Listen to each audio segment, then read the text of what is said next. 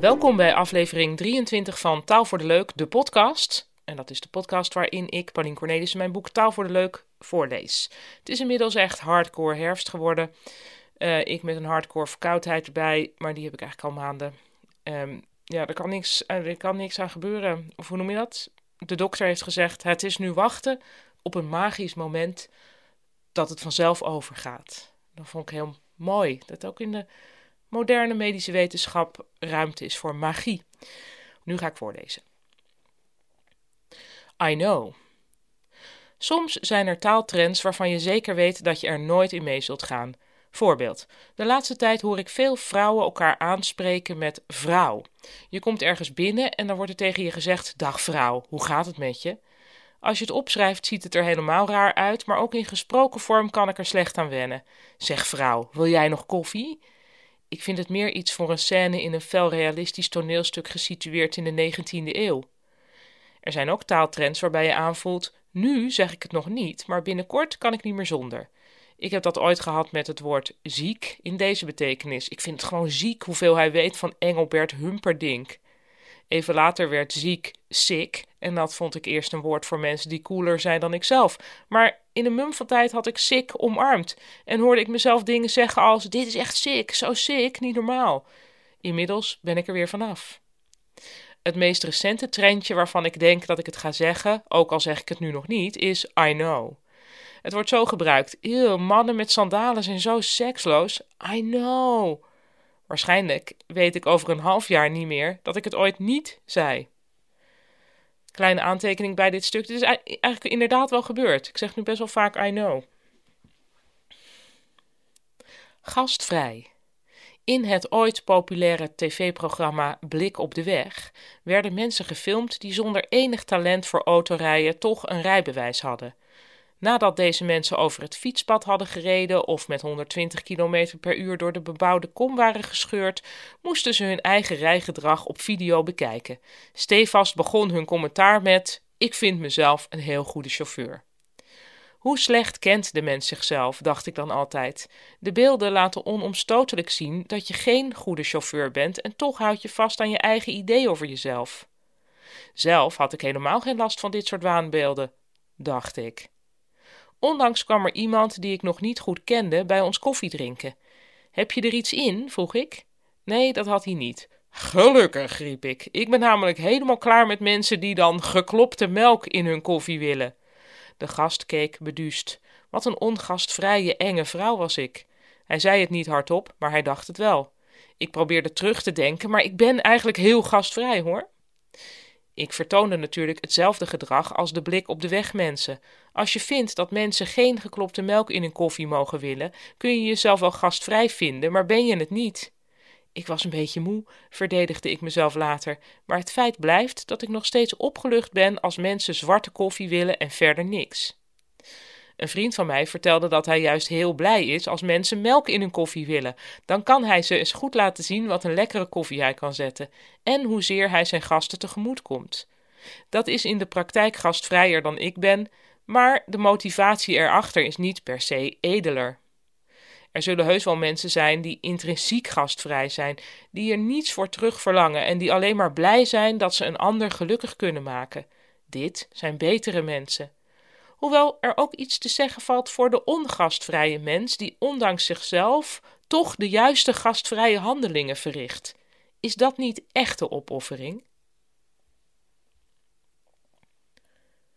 Niet ter zake. Op de radio werd iemand geïnterviewd over een van de ergere dingen des levens, een zware depressie. De geïnterviewde was nogal openhartig, dus als luisteraar had ik het gevoel dat ik bij hem op schoot zat. Iets later in het gesprek ging het over het alledaagse onderwerp het kopen van een huis. Toen zei de geïnterviewde: Dat ging ook niet helemaal lekker, maar dat doet nu verder niet ter zake. Mijn instinctieve reactie was: Dan doet het juist wel ter zake. Als iemand je alles wil vertellen behalve één klein ding, dan is dat kleine ding misschien niet zo heel klein.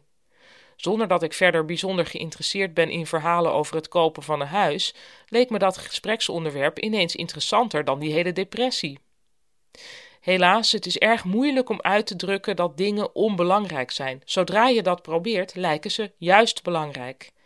Hetzelfde geldt voor de dingen waar je het niet over wilt hebben. Als je zegt, daar wil ik het liever niet over hebben, zullen de toehoorders meteen denken, ik wil daar alles over weten. Het talent van ergens overheen kunnen praten kan daarom niet genoeg bewonderd worden. Er zijn mensen die het zo goed kunnen dat je het nauwelijks merkt.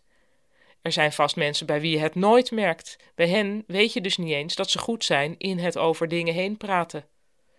Er bestaan ook mensen die doen alsof ze iets niet willen vertellen, maar stiekem staan te popelen. Ik heb toen twee operaties achter elkaar gehad, ik zal er verder niet op ingaan. Nee, inderdaad, denk je, ga daar alsjeblieft niet op in. Maar daar komt het hele verhaal al. Er worden littekens getoond, die vast allemaal heel erg ter zake doen. Daar niet van. Memil. Ik ben afgelopen zomer gaan hiken in de Pyreneeën, zei de ene barista tegen de andere. Zo zou je je roman gerust kunnen beginnen. Een paar jaar geleden niet en vermoedelijk over een paar jaar ook niet meer. Een eiland in het taal-tijd-continuum. Niet alleen vanwege de barista, die nog niet zo lang bestaat, maar ook vanwege dat hiken. Wandelen klinkt te suf, te veel alsof je de paddenstoelen van de ANWB braaf volgt naar het pannenkoekenhuis.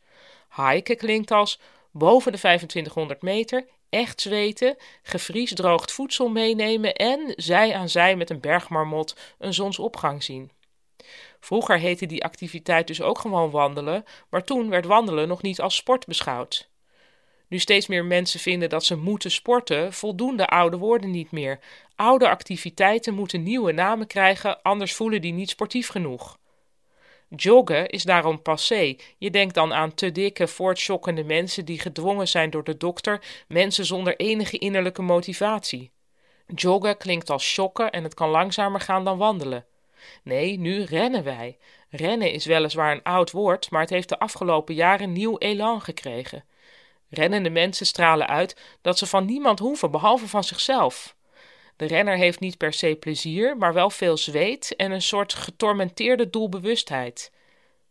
Natuurlijk heeft de renner een strakke broek aan in plaats van het ook ter ziele zijnde joggingpak. In het Engelse taalgebied bestaat de term mammal, een middle-aged man in lycra.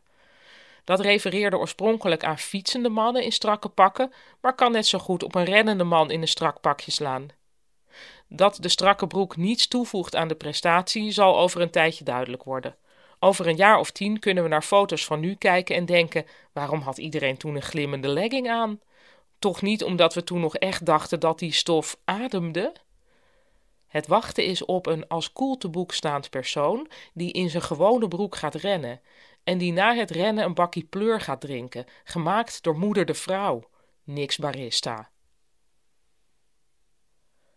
Snok. Strips hebben ons veel gegeven. Een van de verworvenheden is dat we sinds de strip creatiever zijn geworden met het nabootsen van klanken, zoals arg, ik had het daar al eerder over. In stripverhalen worden tekeningen vaak gelardeerd met grote letters waarmee de klank van het gebeurde wordt overgebracht. Een auto rijdt weg, vroom. Een vliegtuig vliegt laag over, waar. Dat lees je niet in normale boeken. Zoef en weg zijn onze helden. Gevechten zijn ook bronnen van goede geluiden. Wam, baf en het komischere snok. Zijn er explosieven bij het gevecht betrokken, dan is kaboom van de partij. Lasergeweren doen zap en kogels doen van fiu. Ook in de tekstballonnen komen klanknabootsingen voor. In Jan Jans en de Kinderen wordt een uitspraak regelmatig begonnen met proest. Burp heb je ook en grr. Donald Duck roept soms verbaasd wak maar dat is meer omdat hij zijn roots als eend niet wil verlogenen. Een van mijn lievelingsuitroepen in strips is eek uit Suske en Wiske. Eek vergezelt momenten van schrik. Misschien is dit een Engels woord dat als iek uitgesproken dient te worden. Maakt niet uit. Terzijde, ik kan niet anders dan de designer Piet Hein Eek associëren met het Van der Steen Imperium omdat ieder weldenkend mens wel eens een strip leest, sluipen de strip-onomatopeeën onze spreektaal in. Arg bijvoorbeeld, maar ook wam. Het was zo glad, ik ging echt van wam op mijn bek. De stripklank voor verbazing is hunk, en daarom zeg ik al zeker dertig jaar bij tijd en wijle hunk. Ook heb ik wel eens iemand, wiske indachtig, eek horen zeggen. De klanknabootsingen staan niet vast. Wie vindt dat een stomp in de buik van een dikke man klinkt als vlonk, kan dat gewoon gebruiken. Dat maakt dit type onomatopee zo leuk. Er zijn geen regels en je voelt vanzelf of het geluid goed getroffen is of niet. Een olievat dat onder water tegen een boot botst, je kunt er makkelijk kong, kong, kong bij zetten. Ik zou trouwens ook graag stripgeluiden willen hebben voor dingen die geen geluid maken, zoals het swipen op de iPhone. En ik stel voor als geluidswoord vip, vip, vip. En daarmee zijn we aan het einde gekomen van aflevering 23 van Taal voor de Leuk, de podcast. Ik ben morgen terug, live vanuit mijn eigen kelder. Tot morgen.